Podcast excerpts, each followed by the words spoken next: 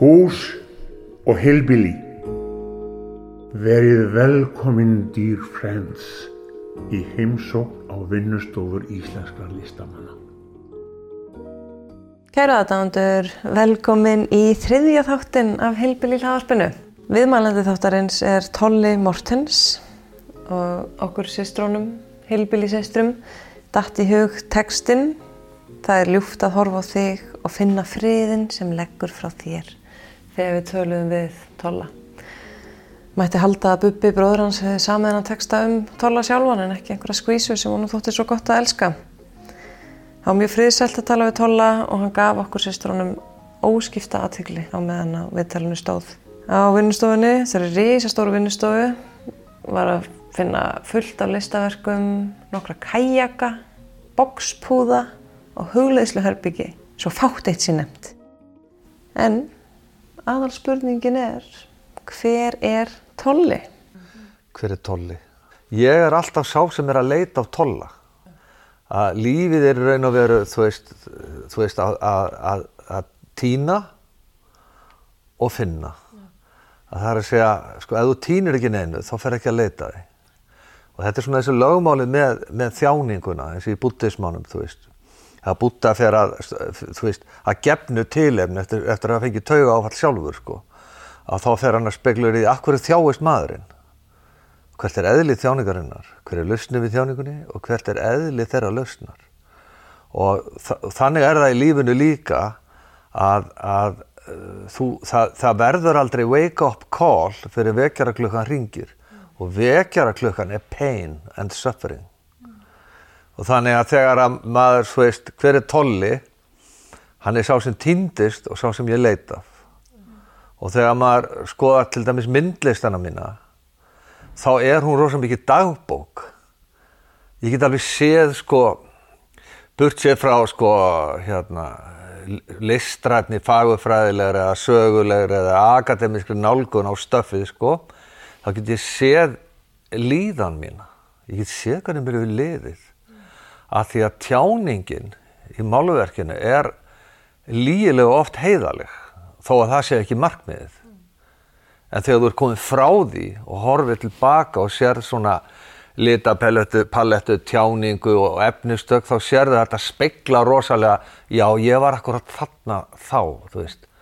Var, já hann var ég rosalega reyður og, og svona mikið myrkur og aggressív rosalega lost og, og hérna og fannst ég verða þú veist mætti ekki sína neitt inn á við ég er að sína heiminum að ég væri sterkur ég er aggressífur ég nota svarta og dökka liti og ég gef skít í allt handverk og allar, allar, svona, allar, tækni, allar tæknilega nálgun, ég, ég gef ekki færa á mig þar, bara, þetta er bara punk sko. Og, og á bakvið það er rosalega tindur einstaklingur sem hérna gefur ekkert færa á sér, það er bara hrettur sko.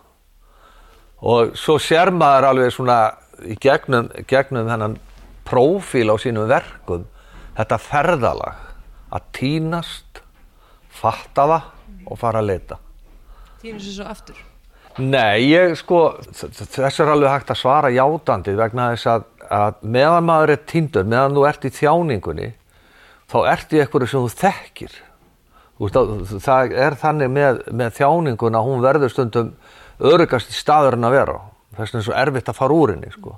Þegar þú fer svo úr því, þá kemur tímabil þar sem þú ert lost og, og, og að batin eða sagt, þessi, þetta, hérna, þessi heimkoma, þessi endurheimt, hún gerist ekki nema að fara í gegnum ákveðin sársöka og þá finnst þér að þú vera ennþá meira lost en þegar þú vart sko, í, í þínu hugar fangelsi. Sko. Þá gerist það oft í þeirri perjóti að einstaklingurinn hörfa tilbaka. Þú veist, ég er hérna óvirku fíkill og alkoholisti og, og í okkar tilfellum sem hafa verið að fást við svona þá gerist það oft, það er talað um að menn falli, þú veist. Þú, þú, þú verður edru og ferð á stað og ert kannski ekkert í mikill í sjálfsvinnu þannig. Þannig að þú situr allt í hennu uppi með, með hérna, allar tilfinningar þínar og óriðu en ódeyfður. Þá veist ekkert hvað þú átt að gera og svo botnar ekkert í þig, ég er búin að vera edru hérna í þrjú ára og fokk mér aldrei liði verð en núna. og þá, þá kallar það ástand oft á bara hei, ég þarf að ég þarf að meðhandla þetta einhvern veginn og þá fara menn í það sem þið þekkja sko. þess vegna þetta tindustu aftur og þá, já, þú, þú, þú gerir það en heldur samt áfram sko. Og ég hef sem sagt bara alltaf haldið áfram með það. Og ég hef málað bara, þú veist, 1977 þá er ég sjómaður og tógara fyrir austan. Og droppa át úr skóla hvenar, 18 ára, eitthvað svo leiðis þá tek, taka bara við svona uh, þú ert, maður er bara on the road vinn í skóar ekki norðunóri eða flakka á milli þorpa hérna á Íslandi og bæja vinni fristúðum, tógurum og jari jari og að því að akkur er maður þar vegna þess að ég kem ekkert að efna miklu fólk, fólki og þegar fjölskyldan leysist upp og tekur við svona rótleysi þá verði ég að vera eitthvað starf þar sem ég hef húsnæð og mat og það færðu á þessum verstöðum sko. og þess vegna var svona ungt fólk eins og ég var þá sko, að við hittumst í þessum þorpum og á þessum verbúðum. Þetta var svona eins og í Kaliforni að fara söðu til Mexiko skilur þú veist, bara eitthvað starf og, og hérna en, þess, en þessu uh, þessu fylgdi ákveði disciplín. Ég meina þú færst mat og húsnæð þú varst að vinna. Og þannig að, þannig að í þessu rótleysi var alltaf samt sem ákveðin ægi og ákveðin markmið og ákveðin skuldbindingar. Mm. og, og það, það er það sem að þú veist ég kem frá Kristjaníu 1973 rosalega börn á tippi sko og og hérna, verði einhvern veginn að hengja, hengja hatt minn á einhvern snaga og það, það er þegar ég fer að flakka um landið og vinna. Og þá læri ég það sem hefur eins mér mjög dýrmætt í myndlistinni, ég lærði að vinna. Þó ég var svona lost in mind sko þá lærði ég hins vegar þú veist, öguð vinnubröð sem maður lærir ekkert í myndlistaskóla endilega, alls ekki á þessum tíma þegar ég fer í myndlistaskóla eh, þá vel ég hérna það að fara í það heit list, uh, list í mótun, nei deild í mótun sem setna var nýlistadild og það var mjög experimental umhverfi og svona mikið svona bóheim attitude, það var mikið neysla, mikið, mikið drukkið í kringum. Profesorarnir voru oft sjálfur hérna alkoholistar, flottir artistar, ekki spurning, og sumi hverjir hafa getið sér heimsfræð, en voru alveg svín blöytir og þeim fannst það aldrei cool sko að draga þessa ungu krakka með sér í eitthvað svona þú veist. Færa kjensluna niður á bar niður á hérna Hotel Holt. Þar voru fyrirlestarhaldnir og, og veitt ótæpilega brennivinni og þetta var svona alltaf wild. En og, já, og, og svona anarkíð var alltaf upphafið sko. Og vera alltaf í, að fæta við skólastjóran og yfirvöldin og og, og áfram þetta, þessi, þetta attitude gafart handverkinu framan af það var að, að ef þú kunnir eitthvað að tekna á svona þá vart ekki að sína það. Það þótti leim, það þótti hallærislegt og, og segjum bara borgaralegt að vera flinkur að tekna mm. þú veist, þú svona að því þetta, þetta, þetta myndlistin í þessari deil gekk mjög mikið þessi konceptlist sem átti svona arfleð sína í koncept og flúks og þessu stöfi sko og svona tilraunakendri list sem var oft byggð á heimsbyggilegu grunni þannig að, að hérna uh, þessi deild hún reist, reistið aldrei sitt sína nálgun á snilligáðu sem þó var oft mjög óskýr hvað menn voru að tala um sko. Og þannig að, að handverkið var borgarlegt eða fyrir kettlingar. Hérna á þessum tíma í alvöru þá var sexismin bara mjög brútal og þar var þú veist þetta hugdag, þú málar eins og kettling og eitthvað þess áttar skilur að því að snilligáðan var alltaf karlæg í, í þessu, þessu bóheim attitúti sko og þannig að það er ekki fyrir að, að nýja málverki kemur bara undir svona eh, kringu 1980 já 80 hvað svo leiðis og það er upp úr að, að þá uppvöldaði maður allt í þenn að, að það mætti mála Hvað varst að gera fyrir það? Þá vorum við að bara fást við mailart uh, non-art eða performansa eða vinna með hljóð eða vinna með landart eða vinna með allt annað en það að mála. Allt annað. Finnst þér það að hjálpa þér samt í málarskinu? Já, það sem, að, það sem þetta hjálpa manni að það hjálpa manni svo mikið að vinna með andrými handverksins. Að vinna með hérna uh, að sjá listina í víðari hérna samhengin bara á streganum og það hjálpaði mig líka að þegar ég fór að mála þá vissi ég hvað ég vildi. Þá sagði ég bara þetta er málið og þegar ég snerti pensilin og pensilin snerti stregan og liturinn flætti um flötin þá var ég komin heim ég vissi allt hitt og vissi alveg um hvað þetta, hvað þetta snýst og, og ég geta þú veist maður, maður var alveg góður og gegn í orðræðinni en, en hérna en þetta, þessi galdur sem gerist á tvíviðum fleti þetta var bara mitt. Það fannstu þig? Já, algjörlega. Já, þú veist, þetta ver, þetta, og þetta er alveg emotional. Þetta verður bara svona að því sem, sem batn og úlingur þá lámaður í þessu. Og þess vegna hafði ég bara ágætis getu, ég hafði góða getu í, í teknilegri nálgun á, á tvíðiðan flöð, sko, mála og tekna og allt þetta. En, en mér fannst það eins og öðrum því fyrir myndlættaskólan að ekki vera cool. Hitt var cool, þú veist. En svo þegar ég fór í einhverju alvöru að snerta þetta, að þá hérna fann ég, já þetta, þetta ég ætla að vera þarna. Akkur ákvæmst að fara í skóla að læra? Já, það er, það er hérna, var bara nöðlending í raun og veru. Þegar að farandverkamæðurinn og hippinn, þú veist, að ég var búin að vera í þessi fjögur ári eða meira og, og þetta var farið að vera dálítið bara svona, farið að súrna, sko, ég var komið með slitgikt í hendunar 24 ára og þetta var bara töff heimur, sko kaldir vet, þú veist, vetur og þú ert á tógara og, og, og maður fór alltaf inn að pæli, allir vini mínu voru sko námsmenn meir og minna í Reykjavík eða voru í Svíþjóð eða eitthvað starf á námslánum ógislega næs, skilur þau meðan að ég var starf út í Ballarhafi í einhverju stormi, þá voru þeir á kaffehús að dreipa á rauðvinni og ég hugsaði bara shit. Uh, og, en ég var búinn að fara það illa með mig að geta mín til að læra á bókina hún var farin. Ég, þú veist það var svona það hérna uh, ég var búinn að eigðalega getun á því að hafa fókus á lestur. En ég hugsaði hvað get ég gert? Og þá var það þetta að það er indökupróf í myndlist og handíðaskóla og ég veði á það að ég myndi geta gert þetta sjónrænt bara og staðið þú veist á bóklegu og fór og þreytti þetta indökubrót, teknaði bara í og bjóðlum uppu þar og senda hana og ok, það var samþygt og fór svo söður og tók þetta indökubrót og var samþygtur inn. Og þá kemur upp hjá mér þetta attitút, þú veist, að það er alveg sama hvað ég þarf að gera, þá ætlum ég aldrei að bakka úr því að vera myndlistamæður og þurfa að bakka inn í einhver erfiðisvinnu. Þannig að ég fer inn í þetta bara sem fighter, sko, bara ég ætla að lifa á myndlist. Og hefur það tekist? Algjörlega, rúla þessu Við munum að var list í kringum þegar þú varst allist upp. Já, pappi lifði á myndlist. Hann var svona það sem kallað er alltíðu málari hann var ómentaður, sjálfmentaður myndlistamæður mm -hmm. en framfleytti svona fjölskylduna miklu leiti á þessum, þessum málverkun og, og svo eru við með söngvaran Haug Mortens við hliðin á okkur. Mm -hmm. og þannig að, þannig að þetta uh, þetta var þetta var svona eðlur hlutur sko í kringum hann.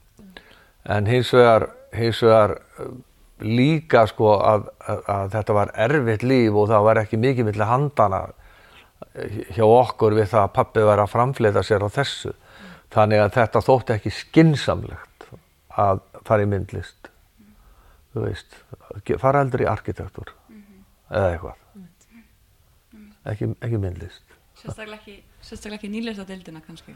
Eða deildi Nei, neildi móti, nei en, en það er bara því að ég er sko, ég bara strax sem úlingur þá er ég svona uppreysnamaður mm -hmm.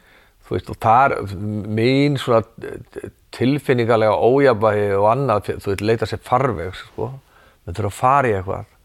Og ég fer mjög snemma í að vera svona pólitískur aktivisti og, og, og alltaf einhvern veginn á móti öllu yfirvaldi og, og mitt viðþór þegar ég fer í sko myndlistarskólan eða myndlistarhandíðarskólan það var að, að vera, þú veist, svona progressífur, fara í, í, í svona rótækari armin í skólanum og vinna með eitthvað svona gjörningalist og þetta sem var mjög spennandi og mjög skemmtilegt og mikið rock'n'roll, sko. En málverkið var ekkert markmið. Það var mitt einn uh, bekkisistíðin sem sagði okkur að þú hefði alltaf verið að fá alla krakkana með þér eitthvað að uh, hrista hópin saman í að vera móti einhverju. Varst, já, þú varst bara svona alltaf svolítið sterkur í því að berjast á móti yfirvaldinu. Já, já, já, ég, það- ég var bara listamaður í því, var bara helviti góður í því og, og uppfinningarsamur og, og hef, er lægin í að fá fólk með mér, sko.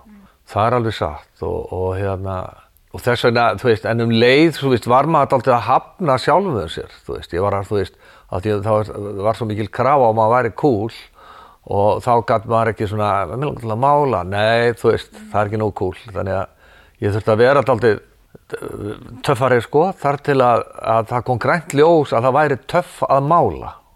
Þegar nýja málverki kemur því það kemur svo progressíft inn. Nýja málverki er bara ekspressionismi það er að segja norður-evrópska deildin. Síðan er nýja málverki í bandreikjunum og nýja málverki á Ítalju það var meira figuratíft og, og svona finni vinn á því sko.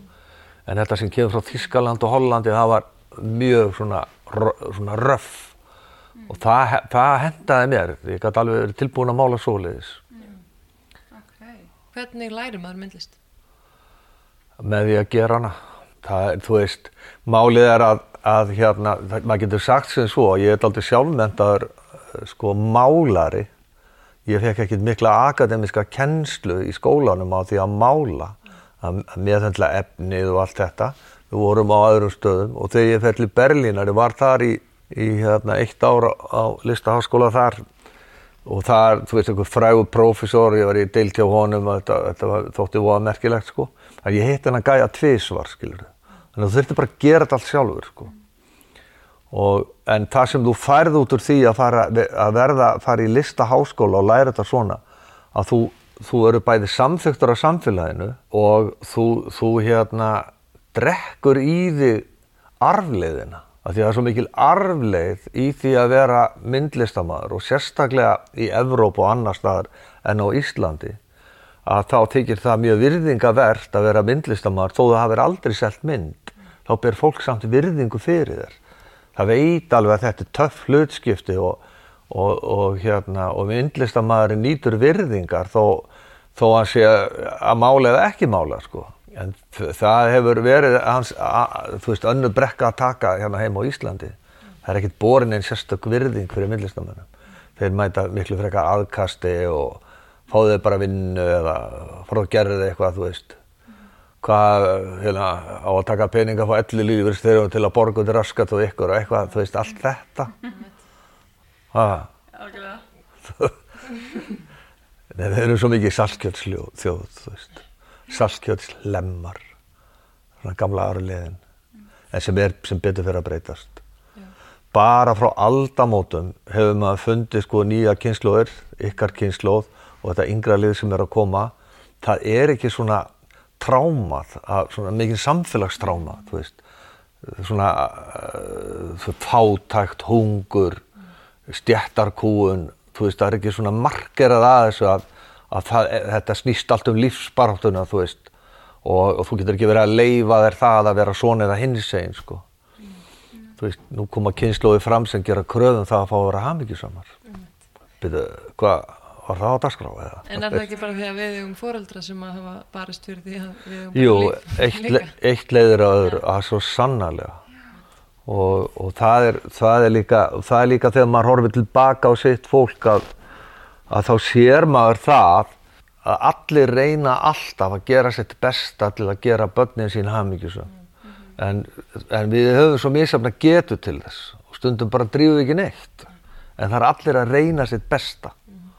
Og það er mjög mikilvægt held ég að, að, að þegar maður horfir um öxl og er að skoða svona einmitt hvað hafa foreldrarnir, hvað hafa forföðinni gefið okkur. Það er hægt að gaggrina helling en það er líka hægt að sjá þetta svona, þú veist. Það er allir að gera sitt besta, sko. Allir að búa til feður betrunga. Já, já, heyr, heyr. Eh, hvernig er sköpunarferðlið hjá þér? Það er rosa mikil spunni og ég treysti mjög mikið á innsæð og ég treysti mjög mikið á, á svona ekspressioníska byrjun alltaf á myndfletunum og svo vinn ég það niður í eitthvað fíguratíft eða frásanakjönd. Ég vinn myndirnar yfirleitt ekki í mjög strángri mynduppbyggingu eða myndbyggingu. Það er lítið um skissuvinnu. Þetta er rosa mikið flæði og ég er bara bísna góður í því og ég, og ég tristi því sem að, ég tristi þessu flæði. Þannig að þú eru ekkert upplifað sköpuna stíplu? Aldrei nokkuð tíma. Nei, ég segi eins og Keith Richards hérna í Rolling Stones, þú veist. Það eru miljón lögan úti, bara tegja sig eftir þeim. Já, sko. Mér, ég glemdi að spyrja það um, þú erum að tala um hvernig fólk oft uh, sér, einmitt eins og þetta sér sami sjóðurinn fyrir allir lífyrstega og myndlistamenn og við erum að taka þeim ef við fáum eitthvað eitthvað svo leiðist. Ah. En þú er svo duglegur að þú veist vinna og selja. Ertu, hefur þú sótt um myndlist, eða listamannu laun og ertu að farið Ég sótt um listamannalöginni 1980 eitthvað, þrjá mánuði Já, og það var bara næs. En síðan hefur þetta, er þetta svo, þetta er svona frekar ógeðfælt ferli og hérna um, eitthvað neginn fráhrindandi að ég hef bara, þú veist, eins og ég sagði við ykkur áðan að þá, þá bara gerði ég samning við sjálfa mig um það að þó ég myndi bara nota 30% af þeirri orku sem ég seldi útgerðar auðvaldinu fyrir skít og ekki neitt, þá skildi ég lifa á minni myndlist. Og ég hef bara gert það sem þarf að gera til þess og fullt af því sem ég hef gert hefur farið á móti hinnum óskrifuðu reglum how to behave like an artist.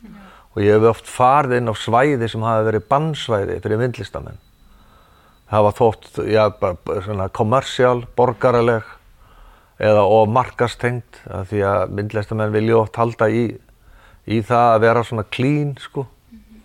Þetta er svona, þetta er svona gömul arfleitt frá, byrj, ja, frá byrjun 20. aldar um, um bernsku sál myndlistamannsins hann sé ómengaður.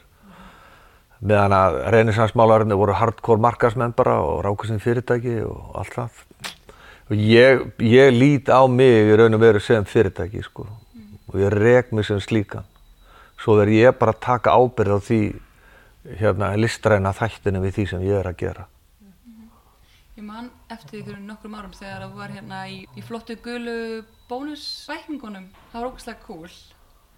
í gulu Nei, í bónusbæklingunum. já, já, já, já, já, já. Hérna, það Já, var hérna bara, þú veist, shoppur þetta og hún myndið þig og mér það ógæslega cool. Já, það, það var uh, hérna djart spilað. Og hann hérna, hvað heitir hann, Andri Snær, hann hafði einmitt farið og gefið út bónusljóð, Já, sko.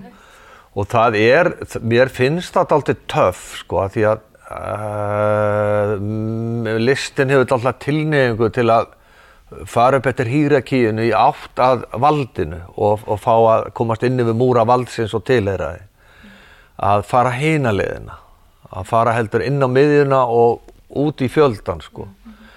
Og en það breyti því ekki að ef að menn á árangri þar þá hefur valdið alltaf tilneyingu til að innlifa þig, þú veist.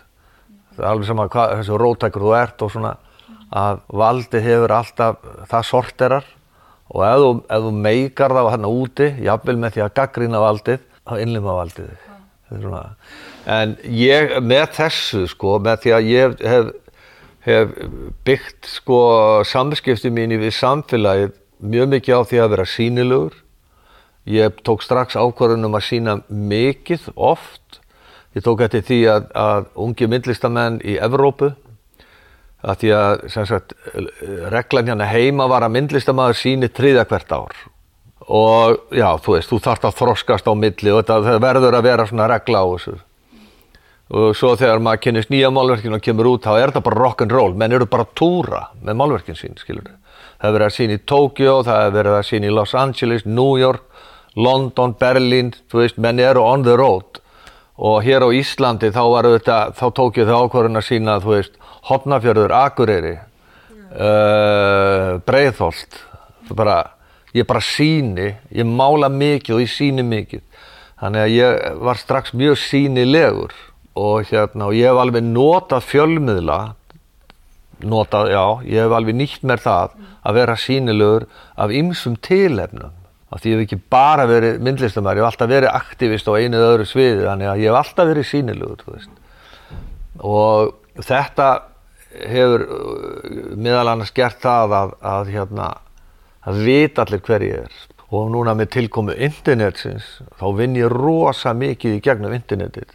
Bara gegnum Facebook, á því að kynna mig sem myndlistamann, halda samskiptum við þúsundir þar nútið og, og, hérna, og viðskiptum mín fara meir og minna fram bara í gennum netið.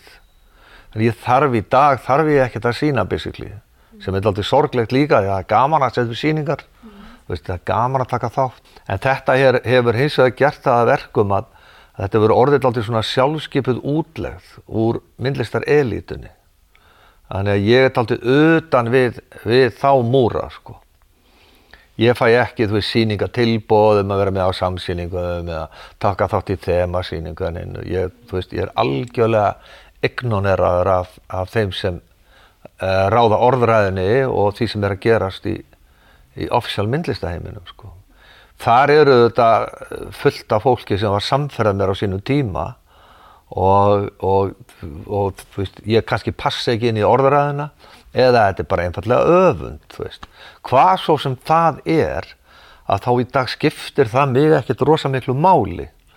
Að því ég hef einhvern veginn byggt upp minn heim og búið til svona gangverk sem, er, sem gengur vel í samskiptu við umhverfið, sko. Mm. Og svo er ég, þú veist, ég sel mjög vel erlendis, í sínustundum erlendis. Þannig að, að hérna, að ég, þú veist, ég fæ alveg nóg súrefni, sko en maður stundum svona spyr sig já ok, hvað hverju sætir? En ef þú sækir eftir því? Nei, ég ber alveg ábyrð á því líka. Ég hef ekki bórið með eftir mm. neinum samskiptum við aðra myndlistamenni eða neitt.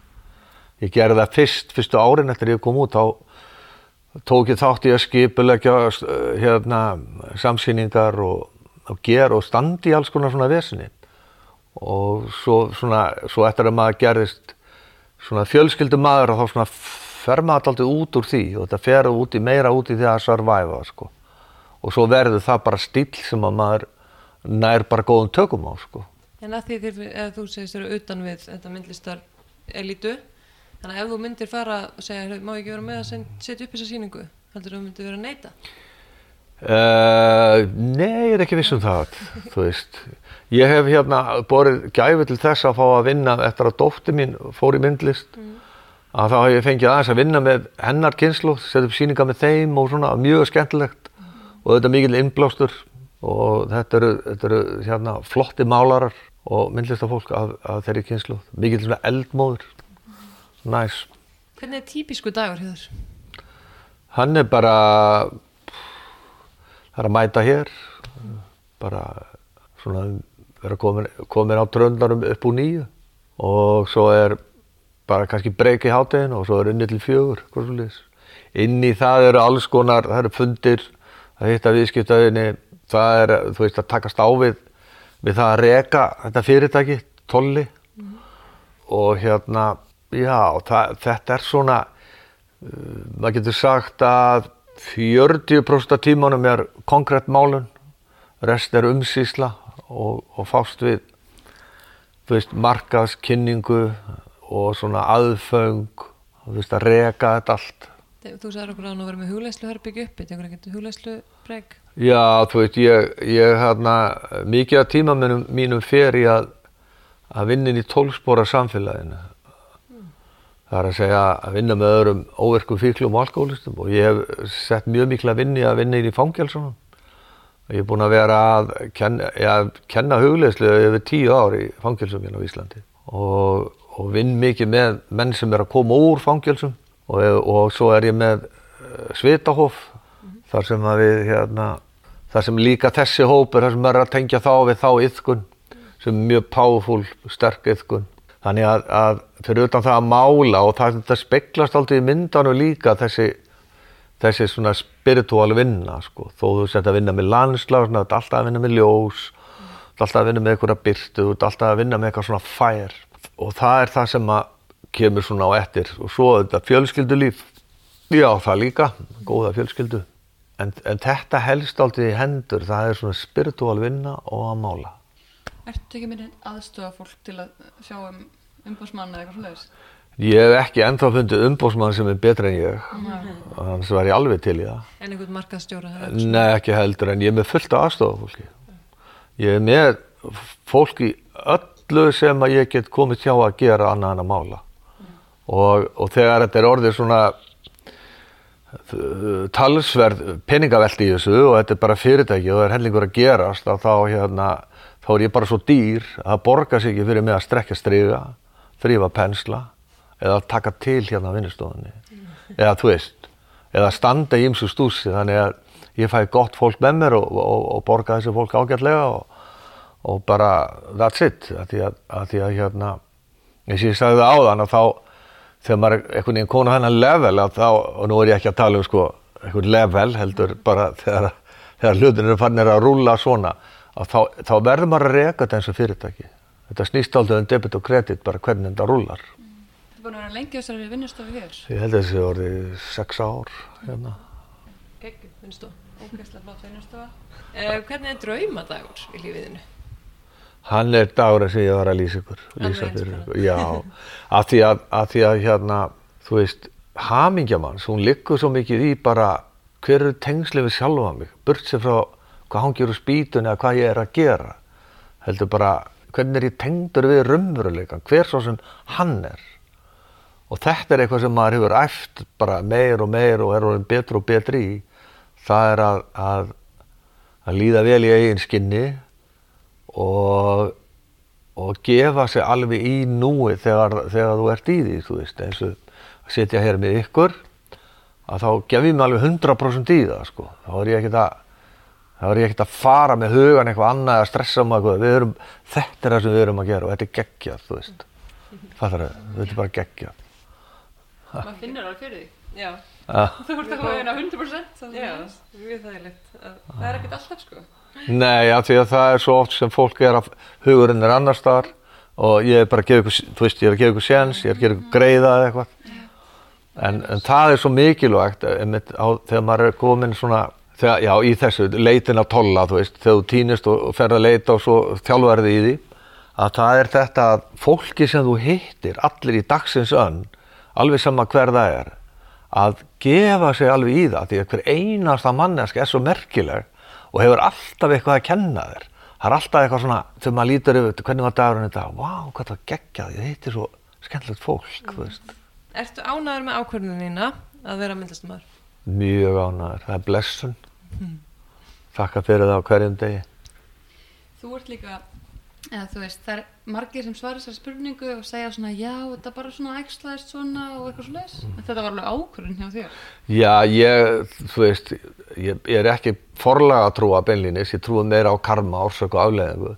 En hins vegar er það alveg klárt að ég kem inn í þennan heim með þessa getu og ég er svo þakkláttur fyrir að fengja að gangast við henni og fengja að vaksa og þroskast með því, sko.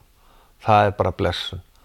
Og það er það með sama hvað fólk fæst við. Ef, ef þeir finnst þú, þetta, þú vaksa og þroskast í því, hvort þú þess ert bakar eða blómaskreitingamaður eða alveg sama hvað það er. Eða, ef þeir finnst þetta að vera svona vettvangur sem að að fegin að hafa valið þetta, þá er það sama blessunin. Sko. Það er ekkert eitt merkilegur en annar, en þetta var mitt upplag.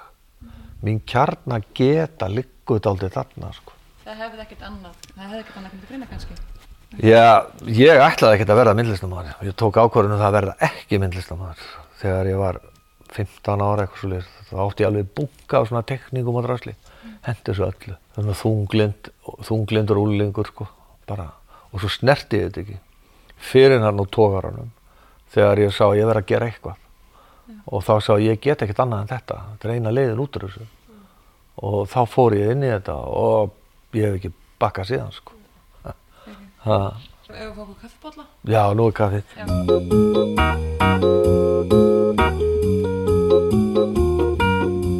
Eins og ég var að segja við ykkur að, að þú veist ég, það er svo mikið, ég er svo mikil aktivisti í svona bakgarðinu sko. Alls konar liður og gera alls konar hluti.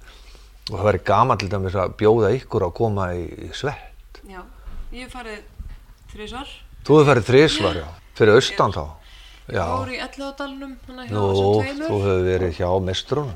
Og svo fór ég hérna upp í tímann þá hefur það hefur verið hjá mér. Já, ok. andagift það hefur verið Ástís og, og Natalie. Já, já, já, já. Við vorum að núna endur nýja tjaldið, byggja nýtt tjald, miklu starra og Geggja svæði líka og geggja hús Geggja og svæði, það er bara æðislegt að vera með þér einhvern tímann Svo mæli ég með veist, hana stöðuri hugleðslu, huglega því að þú gerir svo mikið fyrir kerfin í þér, sko.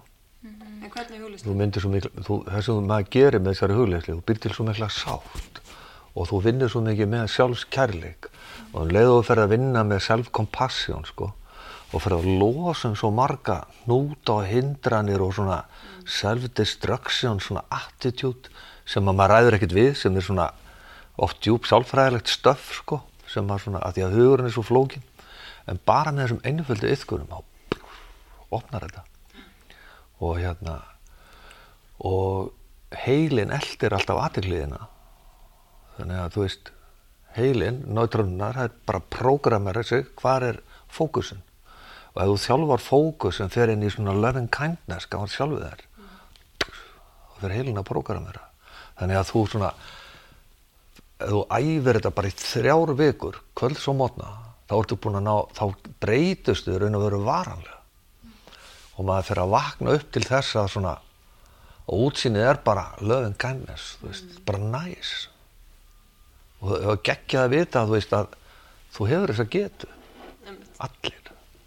Herru, við erum að spyrja ykkur Ekki T- TM eða hvað þetta er? Innhverfi. Nei, nei, ég, þarna fer ég í smá hróka Nei, það er ekki Það er eins og ég þekki sko. Já, þetta, er, þetta er svona byggir að raun og veru á tíbeskum bútisma og, Sorry. og hérna en eða þú veist, er orðið akademisk stöff alveg frá því 1990 eitthvað og kemur þetta hérna allir Vesturlanda eða reyndar aðeins fyrir en, en, en þetta verður svona algjör sprengja um aldamótin og er núna, þú veist, í skólum, inn í fyrirtækjum og jæri, jæri, allir, þú veist, að eitthvað mindfulness. Já, mindfulness. en, en sem er bara fínt en, en hérna og það er svo mikið atriði hins vegar að, að hérna að yfka þetta kom- þennan compassionate þátt að yfka kærleiks þáttinn gagvart sjálfum sér. Remember bara þið farið hann út bara remember þú veist. Uh, mjög gott að fá þetta. þetta. Já, Nei, þetta er nefnilega, þetta er svo vannrægt við erum alltaf í því að vera góð við aðra og fyrir ekki að hjálpa öðrum og bara jari, jari og það er að laga allt, nei. Við erum síðust í fæðukeðinni þegar kemur að því að fyrirgefa og, og vera næs við eitthvað. Ég? Nei, aldrei. Þú veist. Og tala bara við sjálfan sig. Já, einhvern já, einmitt, þú veist. annan. Ok, hvað, ertu, með- er eitthvað draumaverkefni sem þú ert með? Já, þú veist, uh, draumar koma og fara, en það sem ég langar að gera í sumar, mér langar að fara uh, hérna inn á hálendi og vasslita. Það er bara langar mig að gera. Hún Ástís dóttur mín er að fara að opna galleri í- á laugaveginu og, hefur búið mér að sína vasslitamindir, að langt síðan ég hef sínt vasslitamindir. Þannig að ég laka til þess að fara hérna inn á hálendið og, og mála með vatn og pappir og, og gera það svona live, þú veist vera á vettvangi atbyrðan og skrásetja það sem maður upplifir með vatni og pappir og lit það fyrst mér gegja sko. Það er draumurinn akkurat núna. það er draumurinn núna, já, algjörlega Við vorum pæli hvaða lag þú myndir velja sem þemalag lífsþíns. Ég, hérna, það sem hefur fyllt mér alveg frá úlingsárum og alltaf jafn powerful uh, þegar að uh, hérna, tísk, þú veist, lagatískan kemur og fer, rís og nýgur en sólegar hvað þetta Jónis og Köllum hefur alltaf fyllt mér. Og þessi orginal upptaka sem fylkingin baráttur samtök trotskista hvað svo sem það er þú veist, en það má kynna sér það en þau gáðu þetta út og þetta er, er óður til baráttu Íslendinga gegn herrnáminu eins og kallað er aðeld okkar að NATO og veru bandaríska hersins á Reykjanesi. Þetta er ljóðabálkur sem Jónis og Köllum semur og Pétur Pálsson semur tónlistina við þetta. Kóralskó,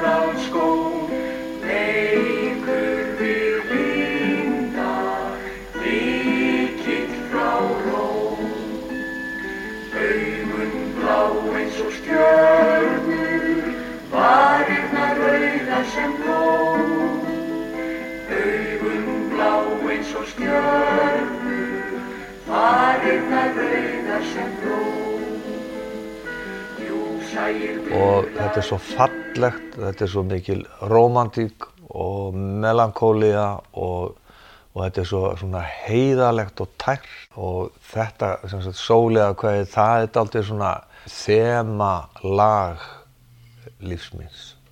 Uh, þá erum við að síðustu spurningunni. Heyr, heyr. Hvað hefur myndlistin þín kent þér? Myndlisti mín hefur, þú veist, hún hefur alltaf elskað mig skilirtislaust, þú veist, bara, hún hefur, hún hefur, veist, aldrei vikið frá mér, alltaf til staða fyrir mig ef ég vil og spegla mig hverju sinni, sko. Þannig að ég segi takk myndlist. Við segjum bara takk Tolli. Því brávarpar kvitrandi blík á sýrtir sína